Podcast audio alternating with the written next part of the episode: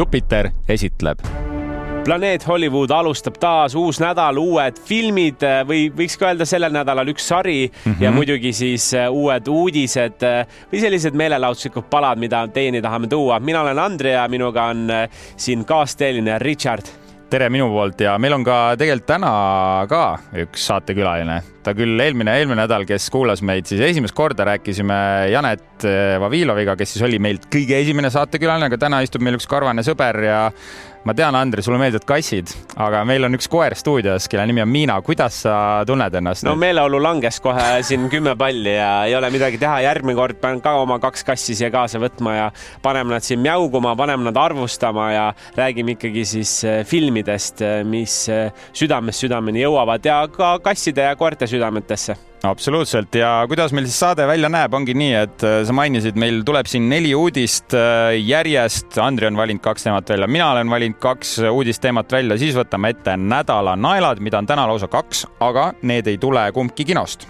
ja seekord läheneme siis äh, streaming teenusele nimega Netflix, vaatame, mis uus üks film on tulnud seal välja nimega Extraction kaks ja üks sari, mis on saanud kuuenda hooaja, selleks on siis Black Mirror. nii et mõlemale neile vaatame otsa, jagame oma arvamuse ja, ja anname ka sellise väikse hinde just nii ja võtame ette ka kõige lõpus Jupiteri soovitused, kus siis on üks äh, päris mõnus sihuke Argentiina romantiline komöödia mul välja valitud. Nonii, jään äh, põnevusega ootama, sest alati need on sellised maiuspalad, äh, mida kodus siis ise pusida. aga kas vaatame ka korra otsa, mis uudised meil täna välja valitud on? kas sul ei olegi mulle küsimust või? mul on sulle küsimus ka, aga ma mõtlesin, et natukene õrritaks veel inimesi ja annaks teada, millest me räägime ja siis ma küsin su käest ja siis juba põhjalikumalt. Aga sellel nädalal siis äh, räägime sellest, et äh, millised sarjad on vahepeal uuendatud, millised on ära tühistatud, vaatame siis üle erinevad äh, streaming platvormid ja Gal Gadot on, äh, on avaldanud siis arvamust Hollywoodi rollide soovahetuse osas ja see on nagu huvitav teema, et lähme sellele natuke süvitsi sisse, et mida see reaalselt tähendada võib. ja kuna Netflixist on täna juttu, siis äh, mõtlesin ka võtta sellise topi välja, et äh, millised on top kolm kõige vaadatumad sarjad seal ja millised on filmid, nii et sellist üllatusi väga ei ole, aga natuke põnevust ikka ja räägime ka Harrison Fordist ja sellest, kas mees plaanib erru minna nüüd äh, lähiajal või mitte. ja tal on uus film tulemas ja võib-olla oleks paslik äh, siin kotid kokku pakkida ja minna, no seda me veel ei tea, aga mul on üks ja äh, magus küsimus sulle valmistatud ette ja räägime ikkagi rahast ja rahast me ei olegi siin veel rääkinud. ei küsi, palju sa kuus iga kuu sularaha teenid pangakontole. oota, sa saad palka või? Mille eest?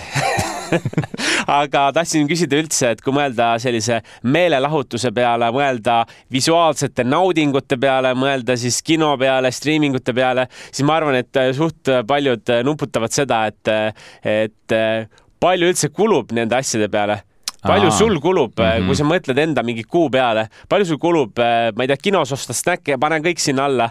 võib-olla sa kulutad siin tuhandeid eurosid, ma ei tea, aga, aga vaata kõik kokku panna, striimingud, väiksed snäkid, värgid, särgid, et palju sul umbes läheb, mis sa arvad? Mm,? tead, ma summast, see, see, see läheb päris suureks, sest et. ei no anna ikka, kuulajad tahavad teada. ei no ma, ma ütlen siis, mis streaming platvormid on, need, kes tahavad, arvutavad ise kokku, sest ma praegu seda kiiret matti teha ei saa. Netflix. no ütleme mingi kaksteist euri. Disney pluss. nii, see on mingi seitse üheksakümmend üheksa, kakskümmend. Spotify. no see on ainult kuulamine. okei okay,, no see on kuulamine, aga vot, mis see on nagu visuaalselt sellised. Amazon Prime. Amazon Prime, no paneme ka mingi kümpa, ma ei tea, palju see maksab, kolmkümmend euri juba kuus. ja kas, kas mul on üldse midagi, no sest Jupiter on tasuta, selle eest midagi maksma ei pea, aga.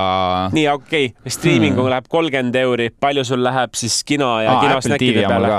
no ütleme siis paneme puusalt, paneme kümneku juurde. see on mingi viis kuus, see on päris odav. okei okay,, kolmkümmend viis siis. aga kui sa kinos käid, palju sul seal läheb uh,? vot see on huvitav jah, et uh, no ütleme ainult snäkkide peale, no ma üldiselt võtan ikka ühe suure popkorni, ühe suure karastusjoogi endale kõrvale. alati suhteliselt alati no mehel on põhjust trennis vähemalt käia, aga no siis arvesta, et kümpa, kümpa on kindlasti juurde. nii et sul iga nädal käid korra kindlasti, onju.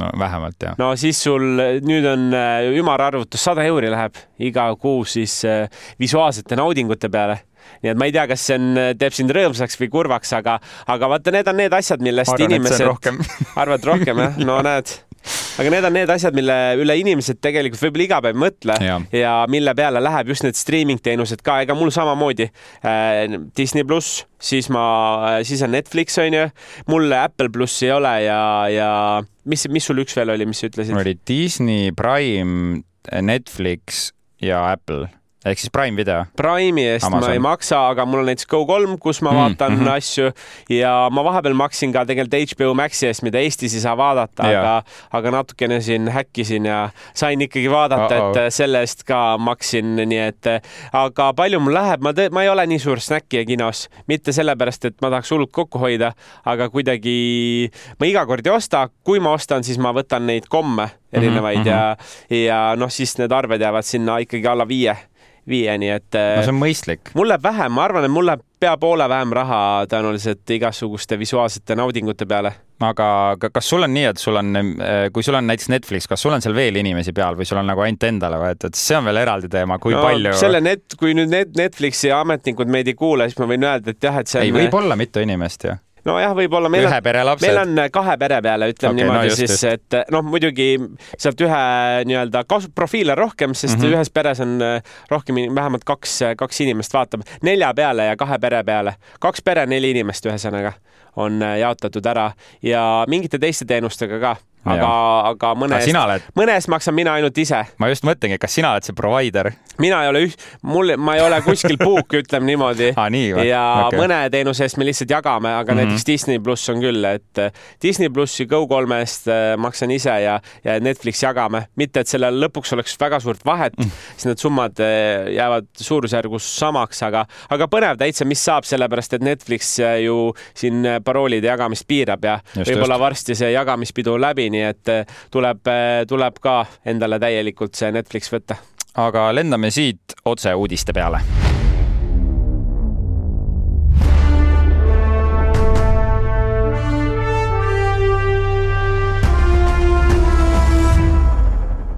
ja esimeseks uudiseks vaatasime üle siis streaming platvormid ja proovisime leida need sarjad, mis on tühistatud, mis on uuendatud ja mõned sarjad on siin ka kohe hakkamas, näiteks Witchersi kolmas hooaeg, mida me mõlemad Richardiga väga ootame, jõuab juba meie ette, nii et võtame selle nimekirja ette. esimeseks ongi siis Apple TV ja siit mul jäi kohe silma selline sari nagu The Morning Show sina oled seda näinud, Richard? ja see on äh, fantastiline no uudisteankrutest äh, rääkiv draama, kus siis Steve Carell ja Jennifer Aniston äh, on ühe skandaali keskmes ja no väga haarav sari on. patt, et ma seda vaadanud ei ole, sest äh, Steve Carell on mu lemmik ja see on ka minu nimekirjas, mida ma tahan kindlasti vaadata ja praegu siis ootame neljandat hooaega, kolm hooaega on olemas.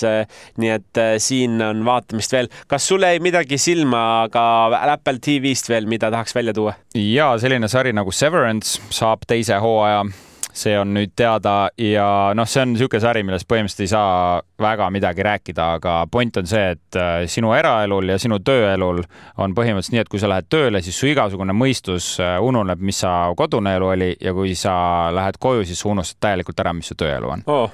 see oleks küll päris hea asi, mida oleks äh, vaja, aga kui seda nimekirja veel vaatan, siis kahjuks üks sari, mida, mida ei uuendatud, on Ted Lasso ja praegu on tal kolm hooaega väljas mm, -hmm. neljandal hooajal öeldi, et praegu nii ongi, et rohkem seda juurde ei tehta ja see on selline komöödiasari, ma ütleks, mis räägib sellest, kuidas äh, siis äh, proovib üks äh, Ameerika jalgpallitreener tuleb siis Euroopa jalgpalliklubi treeneriks. et kaks asja, mis ei sobi üldse kokku ja, ja hakatakse seal pusima, nii et see on päris selline päris hea vaatamine. ja väga sarnase vibe'iga sari on Shrinking, mis äh, räägib siis loo, nagu pealkiri ütlebki, terapeutidest ja kuidas nad oma isikliku eluga hakkama saavad ja seal teeb kaasa ka Harrison Ford ja Jason Segel nii et äh, ma ütleks, et kui Ted Lasso meeldib, siis teile meeldib ka Shrinking ja kui Shrinking meeldib, siis teile meeldib ka Ted Lasso no super ja ka siit lähme edasi Disney plussi juurde. no Disney plussis on ka päris palju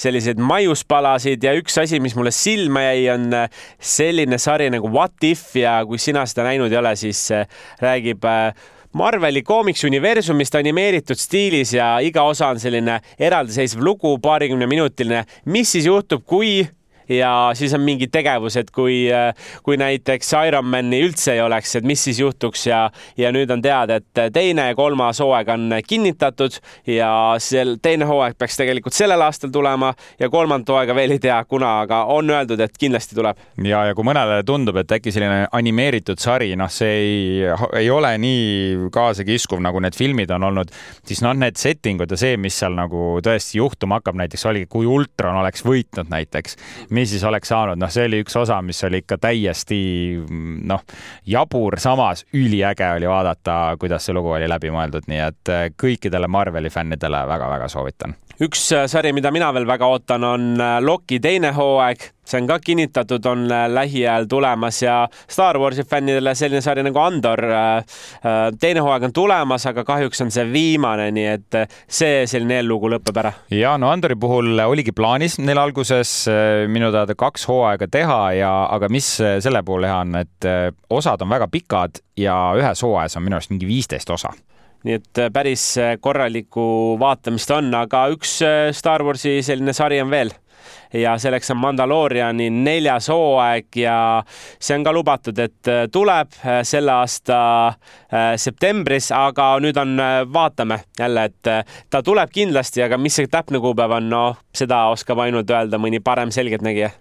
ja ka üks kurb uudis ka, selline Disney plussi sari nagu Willow on pärast esimest hooaega ära cancel datud. ma tean, et seda väga paljud ei vaadanud, aga kellele fantaasia meeldib ja selline hästi kerge ja lõbus fantaasia, siis ma väga soovitan Willow't. see põhineb siis sellel äh, kuulsal filmil ka, Willow nimelisel filmil, kus Val Kilmer kaasa tegi ja järgmisena läheme edasi sellisesse streaming platvormi nagu Max või siis vana nimega HBO Max ja, ja siit mulle jäi silma selline sari nagu Gossip Girl ja prooviti siis värskendada kõmu tüdrukute maailma, aga kahjuks pärast teist hooaega vaadati, et ei, need kõmutüdrukud enam ei lähe väga hästi ja siis öeldi, et lõpetame selle pulli ära ja pull lõpetati ka ära sellise sarjaga nagu Titans.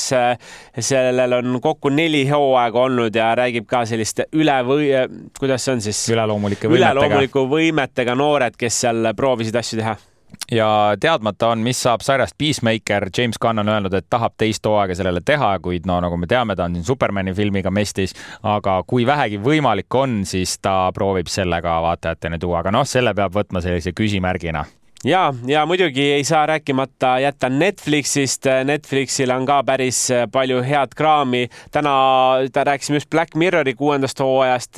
Witcher on sellel nädal tulemas, aga näiteks kui keegi ootas nüüd, et Cobra Kyle mis on, räägib siis võitluskunstimaailmast ja lootis, et nüüd tuleb ka uus hooaeg, seitsmes hooaeg, siis kahjuks kuuenda hooajaga see lõpetati ära ja jah, nii on ja mida me nüüd ka kindlalt teame, Stranger Thingsil on üks ja viimane hooaeg veel tulemas ja sama käib ka populaarse sarja Squid Game'i kohta, millel peaks ka see aasta minu teada. sellel aastal, aga Stranger Thingsi kohta on nii palju teada, et see ilmumisaeg, mis pidi olema järgmise aasta seal kuskil alguse poole, nüüd on edasi lükatud, et kirjutajate streik on otseselt seda mõjutanud ja, ja häid uudiseid on kõikidele, kelle meeldib Emily Pariisis, Emily in Paris neljas hooaeg järgmisel aastal peaks tulema, sellel aastal siis äh, või oli eelmise aasta lõpus tuli kolmas hooaeg välja. ma tean, et äh, naisterahvaste seas äh, on see väga populaarne sari. aga seda on kiidetud, ma olen Mina kuulnud ka, et seda. mõned kutid on seda vaadanud ja sama käib sellise sarja kohta nagu Ginny and Georgia mis on äh, minu teada Gilmore Girlsi tegijate poolt tehtud ja selle esimesed kaks hooaega olid äh, sellised, mis ma vaatasin reaalselt algusest lõpuni ja sellel peaksid olema tulemas ka kolmas ja neljas hooaeg, nii et head uudised nendele, kes, kellele selline noh, ütleme üks korralik naiselik draama meeldis ja ma tean, et osad on ka fännid sellisele sarjale nagu Sex Education, ma ise olen Oi, mõned, mõned osad vaadanud, ei ole püsivalt vaatama jäänud, aga tean, et neljas hooaeg on ka tulemas ja, ja nii et äh, head vaatamist juba selleks aastaks on ja ma ütleks, et äh, järgmiseks aastateks ka, sellepärast et sealt tuleb päris palju uut kraami. Ja lähme siit edasi äh, Gal Gadoti uudise kohta ja no, see, mida ta ütles siis äh, noh, see on üsna nagu lai teema, et igatahes Gal Gadot andis arvamust äh, Hollywoodi rollide soovahetuse osas. Võib tunduda väga sihuke spetsiifiline asi, aga Gal Gadotil on siis Netflixi tulemas uus action film nimega Heart of Stone, kus ta mängib spiooni ja action kangelast. Ja Kall tahab väga, et naised saaksid rohkem action rolle filmides, kuid ta ei arva, et seda peaks tegema meeskarakterite ümber casting uga. või arvelt Just, et just. Äh, see ongi see probleem, mis on võib-olla inimesed natuke vihaseks ajanud, et võetakse karakterid ja nende arvelt, mis tähendab seda, et meil on kohe seda variatiivsust ka selles vaates äh, palju vähem, mis ei tähenda, et mõnikord võiks katsetada, aga lihtsalt jah, kus need piirid jooksevad. jah, ja, ja, ja seetõttu kirjutatigi siis tema karakter algusest lõpuni naiseks kelle DNA tõesti baseerub siin äh, filmis ka siis nagu naiselikkusel ja ta ütleski seda, et ma tahan näidata head lugu naiskarakterist, kes teeb seda hästi Märuli filmis. ta õitseb seal, samal ajal kui palju kordi on lihtsalt vahetatud eh, mees naise vastu. Nad võtavad loo, mis on kirjutatud siis mehele, vahetavad selle naisega ja lihtsalt filmivad seda ja ta siis jätkab oma tsitaadiga, et minu jaoks oli see oluline, et algusest peale Heart of Stone oleks teistsugune, sest naised ongi teistsugused kui mehed, nad on ehitatud teistsuguselt ja nad toimivad teistsuguselt arusaadav. ja meeskarakterite kästimine naistega just, ma ütleks ka, et see võtab ära tegelikult naistelt, sest et äh, see näitab, et selleks, et naised nagu suuremaid rolle saaksid mm, -hmm. nad peavad justkui nagu kas siis seisma meeste õlgadele. no vastupidi, ma ütleks just selleks, et, et naistel ei ole vaja seista meeste õlgades, nad on ise väga ägedad ja tugevad ja me teame, et naiskarakterid action filmides on varasemalt väga hästi toiminud.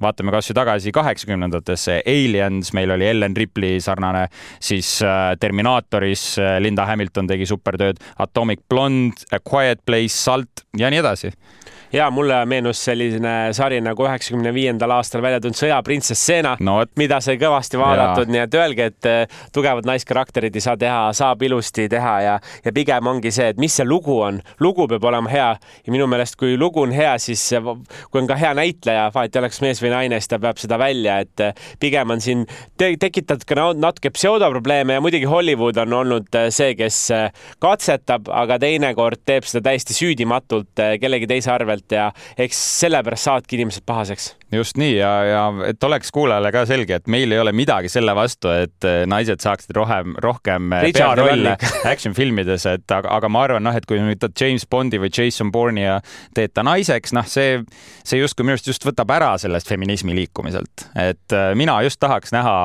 näiteks Quiet Place ja Atomic Blonde'i sarnaseid filme veel, noh, need, need on tõesti ägedad, need toimivad väga hästi.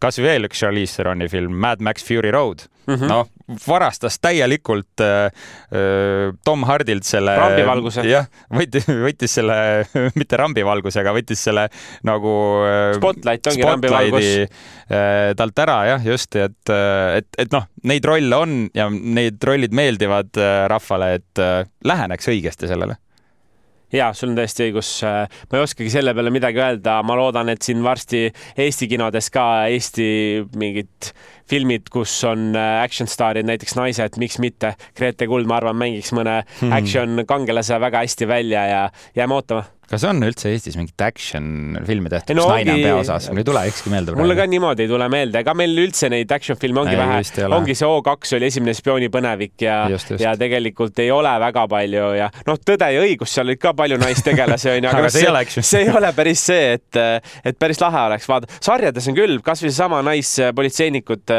või, või mingid muud asjad, padjaklubid ja, ja. kättemaksukontor. no ma mm. ütleks, põhi kõik Eesti mingid sarjad on naispeategelased, nii et meil on nagu kindlasti üle keskmise hästi sellega. ja Tanel Toomi Viimane vahipoist, seal oli Kate Bosworth, äh, no ma ütleks, et tema oli peaosaline seal, et äh, on ka, on ka, on ka Eesti filmides neid ja, ja siit lähme edasi järgmise uudise juurde ja lubasin teile siis välja otsida tänaseks päevaks Netflixi kõige vaadatumad filmid või täpsemalt kolm filmi, kuna see nimekiri on päris pikk ja häid asju on palju ja muidugi ka sarjad ja alustame siis äh, filmidest. kui sa peaksid puusalt pakkuma, äh, mis sa arvad, mis seal top kolmes võiks olla? Mm,? ma mäletan neid nimekirju, kui ma üks hetk vaatasin, aga ma pakun, et seal on näiteks Red Notice mingil kohal. sul on õigus, ma ei ütle, mis kohal, aga tõesti siin top kolmes on ta olemas ja, ja kolmas koht juba mõned aastad tagasi ilmunud film, mis mind küll šokeeris, kus peaosas on naistegelane ja selleks filmiks on Bird Box, Sandra Bullock, selline väga tume, õudukas, õudukas võiks öelda, mis rääkis sellisest maailma lõpu taolisest maailmast ja muideks olgu öeldud, ma vaatasin, et Bird Box Barcelona ja, on äh, just, tulemas just. ka lähiajal just Netflixi, nii et äh, kes tahab saada sellist äh, kõrvallugu äkki, ma ei tea mm, -hmm. mis see täpselt tea, on, et kõrvallugu, siis tõenäoliselt saab seda vaadata. no see põhimõtteliselt see nagu trikk seal on siis see, et vaata, kui A Quiet Place'is oli see, et sa ei tohi häält teha mm, -hmm. siis Bird Box'is oli see, et sa ei tohi näha neid koletisi Täpselt. ja kui sa näed neid, siis nad panevad sind ennast ära tapma kuidagi. ja põhimõtteliselt, aga selle loo sa saadki lülitada ükskõik mis linna, ehk siis kui meil oli USA versioon, noh siis nüüd näeme Barssas seda ja hispaanlaste, kataloonlaste näitel siis ja kokku on umbes kakssada kaheksakümmend miljonit vaatamist sellel, nii et täiesti müstilised numbrid on.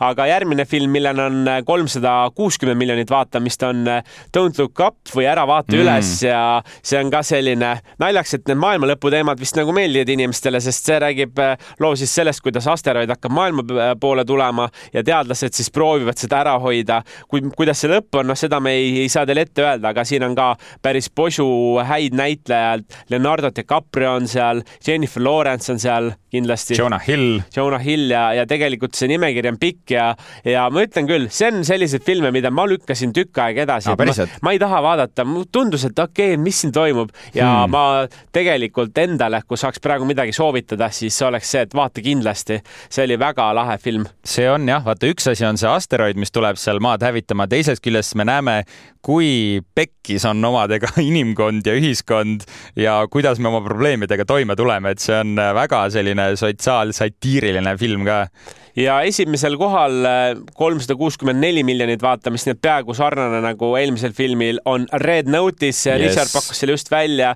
peaosas Ryan Reynolds, Gal Gadot ja Dwayne Johnson. Kilakad. ja põhimõtteliselt räägib see sellise action, naljaka action äh, loo sellest, kuidas siis FBI äh, agent, kuidas üks varas ja kuidas seal pahategelased omavahel suhtlevad. ma arvan, et see on kõik, mida on vaja öelda. no suht rets möllukas ja see, et ma kilakad ütlesin, ma mõtlesin ainult Rocki, ma tean, et ja Ryan Reynolds ei ole kilakad. ja kas mitte on tulemas ka mingi, mingil ajal see teine osa just, sellele, just, on, on planeeritud ja praegu tundub, et on lubatud novembrisse. noh, seda ei tea, kas ta päriselt tuleb, aga selle aasta novembrisse teine osa on siis oodatud. aga kiiresti ka, mis on sarja top kolm ja sarja top kolmest. mul on pakkumised. no nii, ma ootan hea meelega neid. ma ütlen kindlasti, et seal on Stranger Things ja seal on Squid Game. Äh, jah, sul on täiesti õigus, et need on, äh, pikalt ei hakka ka siin jahuma nendest, aga sa ütlesid ära, kolmandal kohal ongi siis tegelikult äh, Stranger Things. Ja ja sellel on juba, kas äh, nüüd neli või viis hooaega on väljas? neli on väljas. aga viimane hooaeg oli küll no nii-nii hea, kes näinud ei ole, siis äh, kuidas sa no, ütled, kuidas sa kokku võtaksid, mis asi see on, mis lugu see on, sest see on nagu selline. jah, ma olen mõelnud, seda on nagu raske kiirelt kokku võtta, aga põhimõtteliselt noor, noortegrupp äh, kes elavad ühes USA väikelinnas ja seda väikelinna hakkab siis nagu teispoolsusest mingid kollid kimbutama ja aga see teispoolsusel on siis võim anda mingeid erilisi üleloomulikke võimeid ka nendele inimestele. ja väga hästi, ma ei oleks nii hästi osanud isegi, aga teisel kohal siis on selline sari nagu Wednesday ja Wednesday'l, ta on selline müsteerium, komöödia, õudussari, aga pigem selline väga-väga pehme ja väga kvaliteetselt muideks tehtud ja Adams Family'st räägib ja tegelane ongi siis Wednesday, ei ole mingi kolmapäev lihtsalt vaid äh, ja seal me näeme peaosas äh, Jenna Ortega. Jenna Ortegat näeme ja Jenna siis minu meelest väga hästi teeb ja on, äh, on ühe hooajaga jõudnud juba teiseks, nii et seda on teada, et teine hooaeg on tulemas, jälle ei oska täpselt nüüd öelda, kuna, aga tõenäoliselt see läheb kõikidest rekorditest üle ja purustab ka vaatajate rekordid siin lähitulevikus. aga see, mis on esimesel kohal, sellel on ka uus hooaeg tulemas. täpselt nii ja selleks on Squid Game. ma seda ütleks hästi, et äh, see on selline inimeste proovile panek ja kuidas siis äh, leida grupp inimesi ja panna nad erinevate testide ette ja eesmärk on ellu jääda see on nagu väga-väga kandiline kirjeldus, aga kui keegi ei ole näinud, siis ma ütleks, et see on selline e elu ja surma küsimus. just, just, et jah, test on selline väga leebelt öeldud, et seal pannakse neid elu ja surma nimel siis erinevaid nagu lastemänge mängima, aga väga siis nagu suurel skaalal. ja, ja et see on päris selline, keegi nüüd äh, tagasi hoidnud, et ei ole vaadanud sellepärast, et äh, seal on äh, korea keelt kuulda, siis tead, ärge üldse heidutage, vaadake see kindlasti ära ja see on vaatamist väärt ja siit lähmegi edasi siis Harrison Fordi teemale ja palju on räägitud sellest, no Harrison Ford ise on kaheksakümne aastane, tuleb tal välja uus film see nädal, Indiana Jones and the Dial of Destiny. Aga uudise pealkiri on siis selline, Harrison Ford ei plaani näitlemisest erruminekut niipea see on, see on, mees väärib puhkust. see on, ei, saad sa aru, see on väga hea uudis, äh, sest et ähm, noh, palju on sellest meedias räägitud, tema ütles, et tal pole mingit soovi sellest loobuda, ta tahab äh, näitlemisega tegeleda nii kaua, kui see on vähegi võimalik.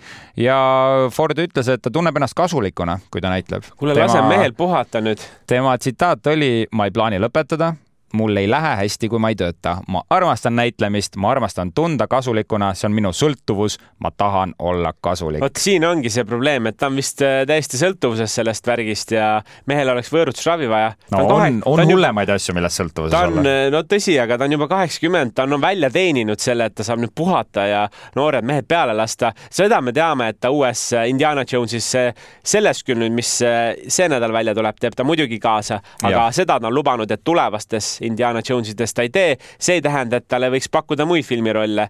ma tean, et äh, kas Captain Americas on ka tal äh, tulemas väikene roll ja sellises filmis nagu Thunderbolts, mis mõlemad tulevad järgmisel aastal välja. jah, seal ta mängibki Thunderbolt Rossi ja väga hea rolli teeb ta ka, mis me mainisime Apple TV-s Shrinkingu sarjas, kus ta mängib siis, mängibki ühte terapeuti ja ta teeb seda nii paganama hästi, et mina julgeks öelda, et see on üks tema parimaid rollisooritusi. no ta on elu näinud, ta teab, kuidas terapeut väga hästi olla, nii et väga ehedalt toob selle ekraanile. ja kes teda Indiana Jonesi läheb siis vaatama, ma tean, et mina kindlasti lähen, sest ta ütles ka nii palju, et selles uues filmis nad kasutavad ära tema kõrget vanust, et nad ei ürita seda kuidagi varjata.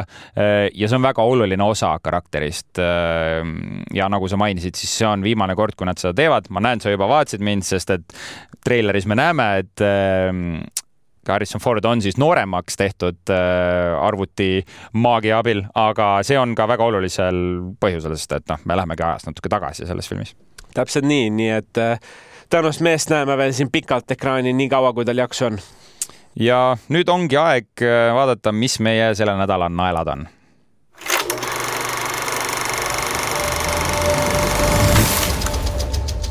Extraction kaks, Chris Hemsworth on tagasi Netflixis. sellel nädalal väga suuri kinofilme ei olnud ja seetõttu me võtsimegi siis ette mm, Netflixi, mis on no ütleks Eestis üks parimaid voogedastusteenuseid. me teame, et Jupiter on ilmselgelt kõige parem, aga noh, Netflix on seal vaikselt longib järgi. ja aga mis asi on siis Extraction kaks, see on teine osa Netflixi filmile Extraction, kus Tyler Rake endine eriväelane ning ülimalt oskuslik palgasõdur läheb järjekordsele uskumatule missioonile. esimeses osas me nägime, kuidas Tyler sai Indias peaaegu surma kuid viimasel hetkel vette kukkunud äh, näitas ta siiski seal elumärke ja nüüd näeme, kuidas ta üritab ennast tagasi vormi saada, äh, üritab äh, taastuda oma haavadest ja otsustab oma eksnaise õde ja tema last minna Gruusiasse päästma ja seal tal tuleb siis vastamisi seista ülimalt ohtliku narkokartelli vastu, et siis päästa need sihtmärgid ja seekord tuleb Tyleriga kaasa ka esimest, esimesest osast tuttavad tiimiliikmed no täpselt väga hästi ütlesid ära ja, ja ausalt öeldes isegi vaadates äh, noh, see ongi see kogu sisu, see extraction, ma arvan, see pealkiri on väga mm -hmm. nagu täpne, et eh, kuidas see siis eesti keeles täpselt on. kellegi väljatoomine või või päästmine, et, et tegelikult see esimene osa rääkis päästmisest, see teine mm -hmm. osa räägib päästmisest ja üks eh, selline tugev eh, motiveeritud palgasõdur on lahti lastud ja olgu siis öeldud, et vennad Russod, kes on ka teinud Just. Marveli siis filme, näiteks Infinity War ja Endgame siis ja teisi ka veel, aga neid kahte peamiselt on inimesed teavad teavad ja, ja noh, seda on tunda, et, et seal on ikkagi krõbedalt eh, eelarvet olnud ja oh, krõbedalt on filmitud. Ja, ja seda krõbedat action'it äh, keeras ka siis üle võlli selline lavastaja nagu Sam Hargreaves, kellel on endal siis kaskadööri taust ja kui keegi on vaadanud äh, neid videosi, kuidas Extractioni esimest osa filmiti, siis äh, Hargreaves oli kaameraga auto külge rihmadega kinni tõmmatud ja sõitis kaasa reaalselt selle action'iga ja siis vahepeal läks see kaamera üle rulluisutajale, kes võttis, viis ühest aknast sisse, teisest välja. täiesti haigeid asju, mida nad esimeses osas tegid ja see kõik on veel, veel karmimaks äh, keeratud teises osas. ma lähen kohe selle juurde, et kuna, kuna see läheb selle teemaga nii hästi kokku, siis ma arvan, selle filmi kõige parem osa on see kaameratöö ja. ja ma mõtlesin selle peale ka, et kui me räägime siin kaameratööst, mida see tähendab? see tähendab seda, et äh, üldjuhul enamustel filmidel see kaameratöö on väga hea. kui me räägime, et kaameratöö on hea, siis me mõtleme seda, et ta on viidud üle mingi selle järgmisele tasemele mm -hmm. ja selle filmi puhul see hea kaameratöö tähendabki seda, et esiteks ta on ülisujuv ta on nii sujuvalt läheb, ma mõtlesin, et kas see on kõik üks võte, see, kuidas ta läheb selle auto külje pealt auto seest mm -hmm. läheb, kuidas ta seal inimeste vahel, et mina ei tea, kuidas seda tehakse, ma ei usu, keegi ütleb, jaa, post-production siis või järeltöötluses on kõik tehtud, siis see ei ole ainult see, vaid ka see operaatori töö, see, milliseid võtteid tehakse, see, see ei ole see klassikaline Õnne kolmteist, et nüüd on üks nurk, nüüd on teine nurk mm, -hmm. et krõbe kvaliteet on niikuinii see, mida me tahame, mida me ootame, aga see, mida on tehtud, on järgmine tase ja seal on tõepoolest selle kaameraga tehtudki erinevaid trikke, et näiteks alguses sõidab ta drooniga, sõidab drooniga, drooniga ja siis üks hetk maandub niimoodi, et kaameramees võtab ta kätte ja siis hakkab sellega edasi liikuma, et seal Uskumatu. on nii palju erinevaid asju ära kasutatud, aga jaa, kindlasti on sealjuures ka sellist nii-öelda kokkuõmblemist natuke, et mingites kohtades äh, peab neid äh, stseene siis omavahel lihtsalt natuke digitaalselt ühendama, aga äh, mis tasub ära märkida, et Extraction ühes minu teada oli neljateistminutiline siis lõikamata stseen, Extraction kahes on kakskümmend üks minutit, üks action tseen ja ma ütlen lihtsalt nii palju, et see, see action tseen sisaldab siis rongi ja vanglat. Ja sa tead mm, -hmm. millest ma räägin, sest et see oli noh, ma, ma, ma nüüd ütlen ära, minu arust see on üks parimaid puhtaid märulifilme, mida ma üldse kunagi näinud olen okei okay., no sa ütlesid nii suured sõnad, siis mulle tegelikult see film ise ei meeldinud, aga ma, mul on väga palju häid asju selle Puhtaid filmi. puhtaid märulifilme, ma mõtlengi ainult puhas no, märul. minu jaoks, kui me nüüd juba lähme siin äh, nii-öelda arutlema, siis äh, mitte vaidlema, arutlema, siis äh, minu jaoks ta meenutas väga sellist John Wicki stiili. seal toimus väga palju märulit, aga mis mulle nagu ei meeldinud, et see oligi see ainult märul seal oli nii palju märulit mm, -hmm. et ausalt öeldes tekkis tunne, et tahaks kerida, tahaks lihtsalt neid asju edasi kerida, et vaata John Wicki puhul oli ka see, et hästi pikaks läks, see ei läinud, see oli kaks tundi täpselt oli see Extraction kaks, aga lihtsalt see, et kui need märulid stseene on nagu terve filmi lõikel, ma ei peaks kokku arvutama, et kahest tunnist palju on nagu mingit märulite võitlust, ma ütleks selline kaks tu või tund aega äkki ikka oli mm, -hmm. et minu jaoks oli liiga intensiivne see asi. mina tahtsin edasi kerida neid kohti, kus nad hakkasid juttu rääkima ah ja no, see, kus käis mingi, hakkas mingi tunnetest rääkimine ja mingi. see ongi, seda ongi vahepeal vaja natuke, et ei saa ainult siin peksta ja lasta. ei, selles mõttes ma olen tegelikult nõus, et äh, miks ka mulle Extraction kaks ja ma, ja ma jällegi toonitan, ma ei ütle, et Extraction kaks on äh, parim action film, mis ma kunagi näinud olen, aga Extraction on üks parimaid nagu puhtaid märulifilme ja ma mõtlengi puhtalt see märul, mis seal filmis oli okay,, tegi selle minu jaoks äh, ta parimaks. Ja ma pean ütlema, et Extraction kahe siis Märul ja Action meeldis mulle rohkem kui John Wick äh, nelja oma. kuigi see on äh, üsna sihuke julge, julge, julge väljaütlemine, sest et John Wick neli no tõesti ületas ka igasuguseid piire, aga no ja, ja mis eriti lahedaks veel teeb selle Extractioni, on just Chris Hemsworth. sa siin filmis tunned, vaata, ta on suur mees, ta on väga võimekas füüsiliselt ja sa tunned selles filmis seda, kui suur ja tugev ta on, tema selles liikumises, tema löökides ja selles ka, kuidas ta haiget saab. ja ma tean, et mõned inimesed ütlevad, et ta on natuke liiga nägus sellise rolli jaoks, et ta ei ole tõsiseltvõetav, noh, ta on Thor, ta on, äh, mängib üldiselt siukseid äh, pleikareid ja noh, mis iganes. natuke on küll jah, kui sa ütled et, seda, siis ma olen nõus sellega. teda on raske nagu veidi tõsiselt võtta, aga füüsiliselt ta sobib sellesse rolli fantastiliselt absoluutselt nõus, ütlesite selle minu meelest väga hästi ära ja tead, mind ei hakanud isegi häirima see, et ta seal nagu mängis, ma lihtsalt mõtlen, kuhu see asi edasi läheb. ja mul on üks ettepanek ka, et tehagi siis äh, liidetud universum John Wick ja no. see sobiks ülihästi. John Wick ja siis Chris Hemsworth koos niimoodi, et ta kuidagi tuleb sinna sisse, nad koos hakkavad midagi tegema, et see oleks nagu mingi järgmine tase täiesti, et, et siit on sündimas, ma ütlen, uus selline märulistaar, et võib küll talle pakkuda neid selliseid action rolle ja, ja ma tahaks vaadata no Chris Hemsworthiga on ka see, et palju on räägitud, mis temast nüüd edasi saab, vaata, kui oli see Limitless sari, kus ta siis Disney plussis äh, tegi erinevaid äh, katseid ja äh, nagu, et noh, kuidas pikem, põhimõtteliselt tegi nagu mingeid teste, kuidas pikemini elada, onju. ja sealt tuli välja, et tal on Alžeimeri tõve jaoks mingisugune mm, okay, geen on olemas. jah, et, et see oht on nagu suur, et ta võib selle saada ja peale selle siis meedia keeras väga nagu üle võlli selle, et Chris Hemsworth lõpetab näitlemise ja läheb nüüd pühendub täielikult oma perele. Ja ta tegelikult ütles, et see oligi meedia nagu ülepaisutus. ta ei jäta näitlemist võib-olla veidi vähem kui tõesti nende Marveli filmidega, kus ta konveieri pealt neid filme välja ladus. aga me kindlasti ekraanidel näeme teda edasi ja ta on ka huvi avaldanud Extraction kolmes osalemise vastu. täpselt ja ega ta Thori praegu ju mängib edasi. Secret Warsis vähemalt on nimi on kirjas Ongi või? baasis jah okay.. ja mis minu jaoks oli üllatav, on ka ta on sellises, loeb siis Optimus Prime'i loeb Transformerite sellises ja, ja Transformers One on, tuleb järgmisel aastal välja, see ei ole nüüd film, see on animeeritud Aa, selline mm, -hmm. see on oh, ta on film küll, aga animeeritud film ja seal ta teeb Optimus Prime'i häält ja Scarlett Johansson teeb ka ühte häält, nii et väga äh, muu teema, aga korra täitsa elevile läksin ja ei, talle, ta hääl võiks sobida küll, sest tal on selline väga kõlav, selline äh, madal hääl, aga noh, ma olen nüüd väga palju äh, sellest Extractioni, Extraction kahe plussidest rääkinud, seal on ka negatiivsed kohad minu jaoks, näiteks äh, noh, mina just nende dialoogidel ja rahulikel hetkedel tundsin, et no need vestlused on pisut kohmakad, seal on nagu klišeesid palju. noh, no klišeed oli, vot see mind häiris ka võib-olla, et äh, action stseenid olid nii vingid ja siis need äh, sellised edasimineku kohad, äh, seal see poiss ajas mind kõige rohkem närvi. no ta pidigi. ei no ta pidigi ajama närvi, aga lihtsalt see, et ta, see oli nii nagu ilmselge või kuidagi see nagu sa tead, et see juhtub, sa tead, mis saab, et looliselt oleks areneda, sisul tehniliselt väga hea teostus, näitlemine väga hea teostus, aga nüüd tuleks seda lugu, võib-olla see kirjutajate streik veel kuidagi mõjutas seda, et mingid sõnad jäid kirjutamata sinna, aga oleks olnud vaja vaata, see on väga huvitav, see on äh, asi võib-olla, mida sa ootasid sellest, noh, vaata, kui ma hakkan Extractioni filmi vaatama, siis ma tean, et ma ei oota sisuliselt sealt suurt midagi. ma tahan lihtsalt peadpööritavat action'it näha ja ma andestan nendele loo nagu momentidele.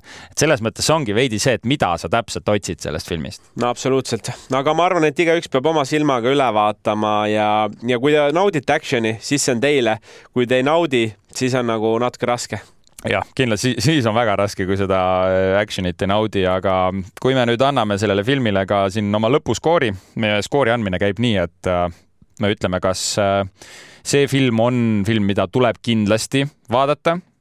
seda võib vaadata, midagi ei juhtu, kui seda ei vaata, või siis film, millest hoia eemale ja noh, see on ajaraisk siis no ma arvan, et ma juba spoil isin natuke alguses ära, minu jaoks on see, noh, see läheb kindlasti mu ühe selle aasta toppi ja mina ütlen, et see film kindlasti väärib vaatamist, aga ma arvan, et sul on see tärn, kui sulle meeldib selline action ja ei, ma mõtlesin selle peale, et tahaks teha uue hindamissüsteemi, see on teletupsu hindamissüsteem, iga teletupsu värv äh, tähistab midagi, siis meil oleks üks kategooria juures, siis praegu meil kuidagi äh, läheb see sinna kolme vahel. kes on see parem teletups? vot, aga sellest räägime siis, kui me oleme siin jõudnud septembrikuusse ja võib-olla omavahel rääkinud, mul tekkis lihtsalt eile täiesti selline mõte, pole sinu käest seda rääkinud ka, aga oleks väga lahe, oleks mingi uus süsteem, aga mina paneks ta sinna keskmisesse kategooriasse mm., et ei pea vaatama, sellepärast et eh, midagi otseselt ei juhtu, aga sellel puhul küll, et kui tahad sellist eh, reede õhtu on nagu no ei, adrekat ei ole üldse, ta on üles ärgata, siis see film äratab üles ja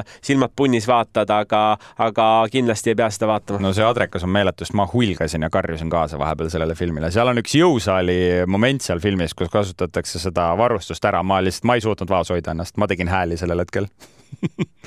Nii, aga siit on hea edasi minna järgmise nädala naelani, milleks on siis Black Mirrori uus hooaeg, kuues hooaeg just nii. ja see on, kui keegi nüüd näinud seda ei ole, siis äh, ta on Suurbritannia selline ulmeseriaal ja seriaal käsitleb siis ka kaasaegset ühiskonda ja uute tehnoloogiatega kaasnevaid selliseid ootamatusi, arenguid ja telesarja osad on siis äh, eraldiseisvad, ehk see tähendab seda, et äh, igas osas võivad, tavaliselt ongi, kõik on uued näitlejad, kõik on uus sisu, et mõnes mõttes selline lühifilm ja need osad on neljakümne viiest minutist kuni selline tund viieteistkümneni lausa. ja seda kutsutakse antoloogiasarjaks ja reeglina leiavadki need aset siis siin tänapäeval või lähitulevikus ja osad asjad tunduvad väga ulmelised, aga tegelikult üldse ei pruugi olla ja ma ütleks, seda sarja veel iseloomustab selline filosoofia, et alati ja. on seal mingi mõte, mingi lugu, mingi point ja nende lood on hästi tugevad ja sellepärast seda on ka palju oodatud ja ka tegelikult on olemas film äh,, äh Black Mirrori film ja seda filmi iseloomustab see, et äh,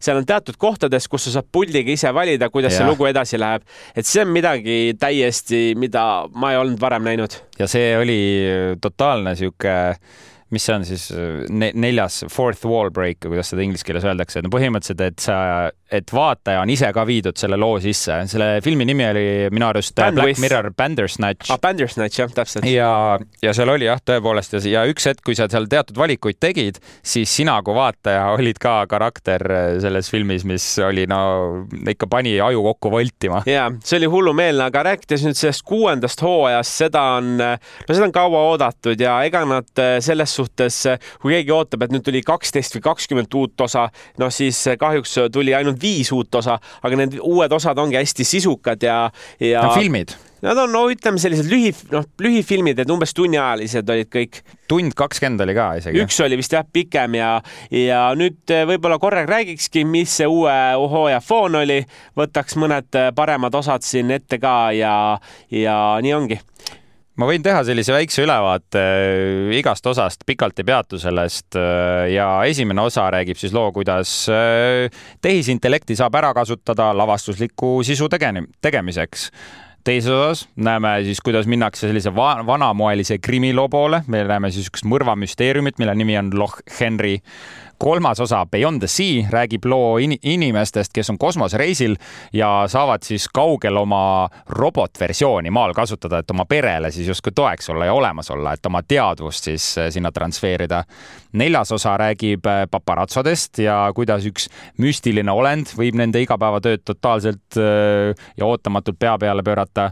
ja viimane osa on jällegi retrostiilis lugu teemonist ja ühest korrupeeritavast tüdrukust. ja kui need võib-olla märksõnad tundusid, et okei okay,, nii utoopiline, siis ma ütleks, seda sarja iseloomustab üleüldiselt selline väga kõrge realism. et kõik mm., mis seal toimub, tundub väga realistlik, et kas see võib juhtuda, on juhtunud või, või lähitulevikus juhtub, et eh, see mulle meeldis, aga kui nüüd minna nagu selle arvustuse juurde, sisu juurde, siis minu jaoks oli see hooaeg nüüd kõige nõrgem nendest. kõige nõrgem? ja kõige nõrgem nendest kuuest ja põhjus on väga lihtne, sellepärast et eelmised hooajad on alati pakkunud sellist äh, just tehnoloogilist poolt, mis mulle endale meeldib, et siin me näeme ka, esimene osa on see Joan is awful mm, -hmm. seal siis äh, nagu sa mainisid, äh, räägitakse, no lühidalt on ka see, et naine istub kodus diivani peal maha, ta avab siis streaming platvormi ja ta vaatab, et temast on tehtud sari, mis on reaalajas tehtud, et see esimene mm -hmm. osa mhm. oli kuidagi hästi positiivse emotsiooniga ja mina ootan midagi sellist alati siis sellest Black Mirrorist. no see positiivne emotsioon on siis sa mõtled see, kui väga sulle see osa meeldis või kui väga see sulle, sest see on väga stressi tekitav episood. ei, see on stressi küll, aga ma mõtlen nagu üleüldine see foon, et mulle meeldib, mulle jah, kui hästi ta tehtud mm -hmm. on ja kui, kui, millest ta siis täpselt räägib, et võib-olla sellel kuuendal hooajal oli neid teemasid, mis mind kõnetas kõige vähem, et eh, ka näiteks osa Beyond the Sea, mis, mis toimub, kosmonaudid on kosmoses, nad saavad oma äh, keha või astronaudid on kosmoses, saavad oma keha saata või vaimu saata planeedile ja saavad siis oma perega seal suhelda läbi siis äh, robotite mm. -hmm. et äh, see oli ka väga hästi tehtud, aga see oli emotsionaalselt tõenäoliselt üks kõige raskemaid asju, mida ma elus kunagi vaadanud olen, et äh, no nii raske oli ja see oli niisugune ulmedraama ja, ja päris sügav ja sa arvad, et seal hakkavad mingid asjad juhtuma, aga see lihtsalt kerib seda pinget ja siis lõpuks võib-olla ei juhtugi see, mis sa arvad, et see on ähm.... võib-olla liiga, tead, ma praegu tabasin, et sinuga siin rääkides, et minu jaoks on nii tumedaks läinud, et see hooaeg oli hästi Aa, tume. no seda küll, aga see hooaeg tundus mulle eriti tume nagu ja nii rasked teemad, et, et võib-olla ma natukene mm. lihtsalt, et mul oleks lihtsam, oleks natuke lõbusust juurde vaja, sest näiteks isegi see esimene osa, see Johnny's Awful, ta tundus lõbusam kui ülejäänud äh, kõik osad, mis seal hooajas olid.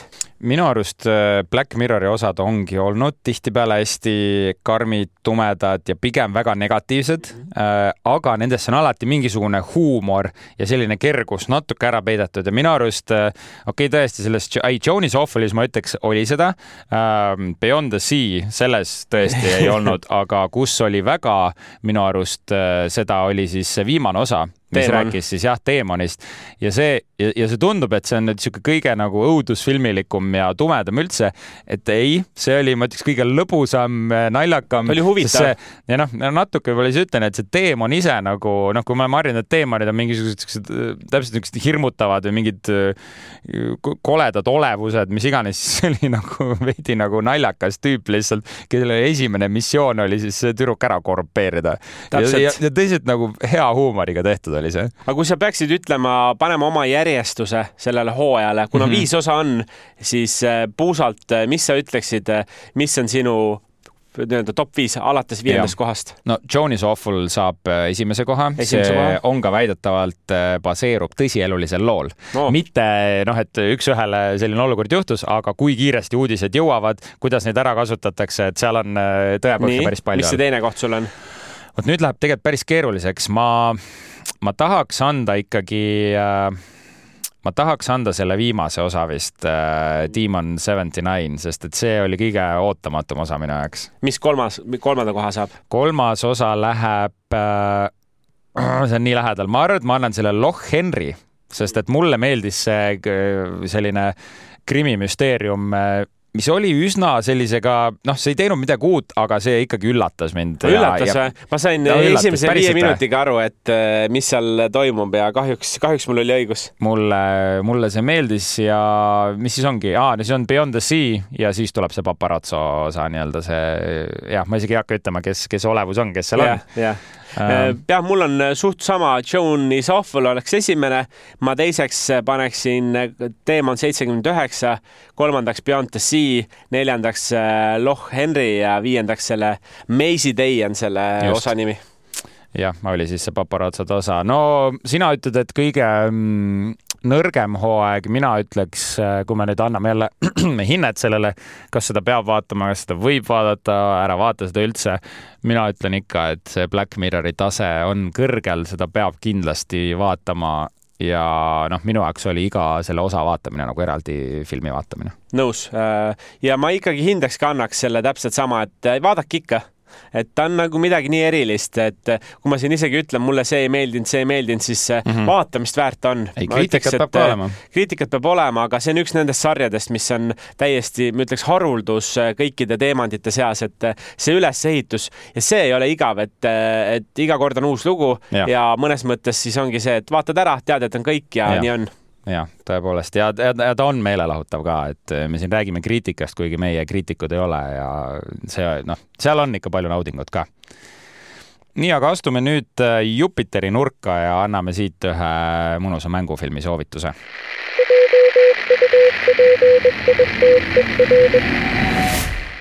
ja Jupiteris saate siis vaadata kõike, mis ERR-is äh, uut sisu peale tuleb, saab audiot, saab videot, saab saateid, filme, sarju ja aga noh, mina ikka kaldun alati nende filmide poole ja miks mitte suvel vaadata Argentiina romantilist komöödiat, mille nimi on Teoorias lubatud. see räägib siis äh, ühest mehest ja naisest, paarist, kes on olnud koos kaheksa aastat, need on Camila ja Matteo. kuni nende koosellu siis lööb kiilu üks ühe öö luba või ühe öö loa kokkulepe et siis äh, nii mõlemal äh, mehel ja naisel on siis üks selline staar, kes neile väga meeldib ja nad otsustavad, noh, et äh, niimoodi poolnaljaga nagu ütlevad, et noh, et kui sa selle naise saad umbes, et noh, siis pole midagi hullu.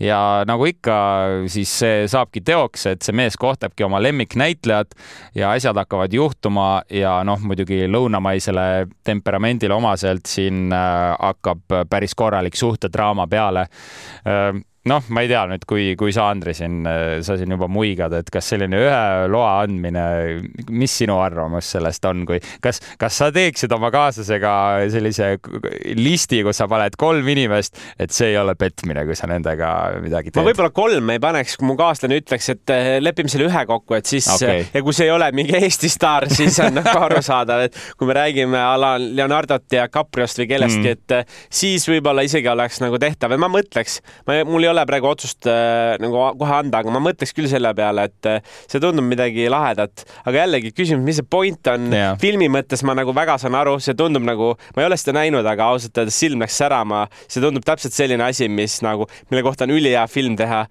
-hmm. sest äh, võib-olla mõned inimesed on fantaseerinud sellest, aga seal filmis see juhtub ka ja, ja tahaks küll näha jah, see, ma ütleks, et see, et sellel filmil on ka kindlasti ähm, negatiivseid külgi, et see kohati see story läheb nagu ta läheb nagu nii närviliseks ja kuidagi väga üle võlli, et noh, sul on nagu kaks peategelast ja nad hakkavad kohati ka päris siukseid kaheldavaid otsuseid juba no, tegema. see ongi Argentiina, see no just, just, just siin on, siin on seda lõunamaist temperamenti palju sees, et äh, aga ikkagi noh, ma, ma nagu soovitaks seda filmi vaadata, eriti just on ta sihuke mõnus suvine, suvine vaatamine. ja millest äh, me nüüd veel siin rääkida tahaks, on meie suvistest plaanidest, mis hakkab äh, Planeet Hollywoodis nüüd juulikuus saama. ja suvel oleme ikkagi olemas, olgu see öeldud, äh, saame siis iga nädal kolmapäeviti olemas olla, aga osad on natuke teistmoodi ja vähemalt esimesel kolmel nädalal kostitame teid eriosadega. järgmisel nädalal on õudukate eri, oleme võtnud ette siis meie lemmikud õudusfilmid, teeme sellise nimekirja parimatest, natuke räägime, kas sisust.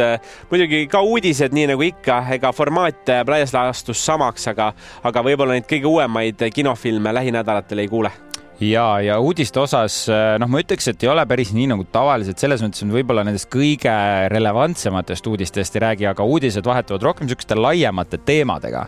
et võtame läbi nagu äh, mingisugused temaatilised asjad, mis ei ole võib-olla nii nädalakajalised. aga ma tean öelda, et sellest äh, lõbus on ikka ja, ja vaata, õudusfilmid on alati see, et ma, mulle nagu kunagi need ei meeldinud ja ma olen paari viimasel aastal vaatama hakanud, nii et ei ole ka see, et kui sulle õudusfilmid ei meeldi, siis ära kuula, vastupidi siis sa peadki kuulama, sellepärast et äh, saad teada, millised on need, mis tasuvad äh, vaatamist ja ma ütleks ka, et õudusfilmid pole kunagi olnud äh, nagu nii fikseeritud žanr, et see mhm. õudusfilm mm, -hmm. võib tähendada ka siis pehmet õudust ja sellist närvikõdi ja see võib tähendada täiesti sellist ehmatusega filmi, nii et kuula ära, mis on need parimad filmid meie meelest. ja juulis räägime veel ka Eesti filmidest ja loomulikult Christopher Nolani filmidest ka ja meil tuleb täiesti erisaade, kus äh, võtame Nolani filmid ette ja teeme sellise väikse arvustuse, pluss seal on meie enda lood, äh, mida me saame rääkida juurde, nii et äh, mahlased osad on tulemas, ei ole mõtet siin ennast, ei ole mõtet kurvastada. Absoluutselt. Ja meil on ainult hea meel, kui te meid kuulate ja just te saategi Jupiteri vahendusel või siis teiste audioplatvormide kaudu meid kuulata ja nagu sa mainid, siis igal kolmapäeval uue osaga aga selleks nädalaks tõmbame joone alla, ole tagasi juba järgmine nädal, tšau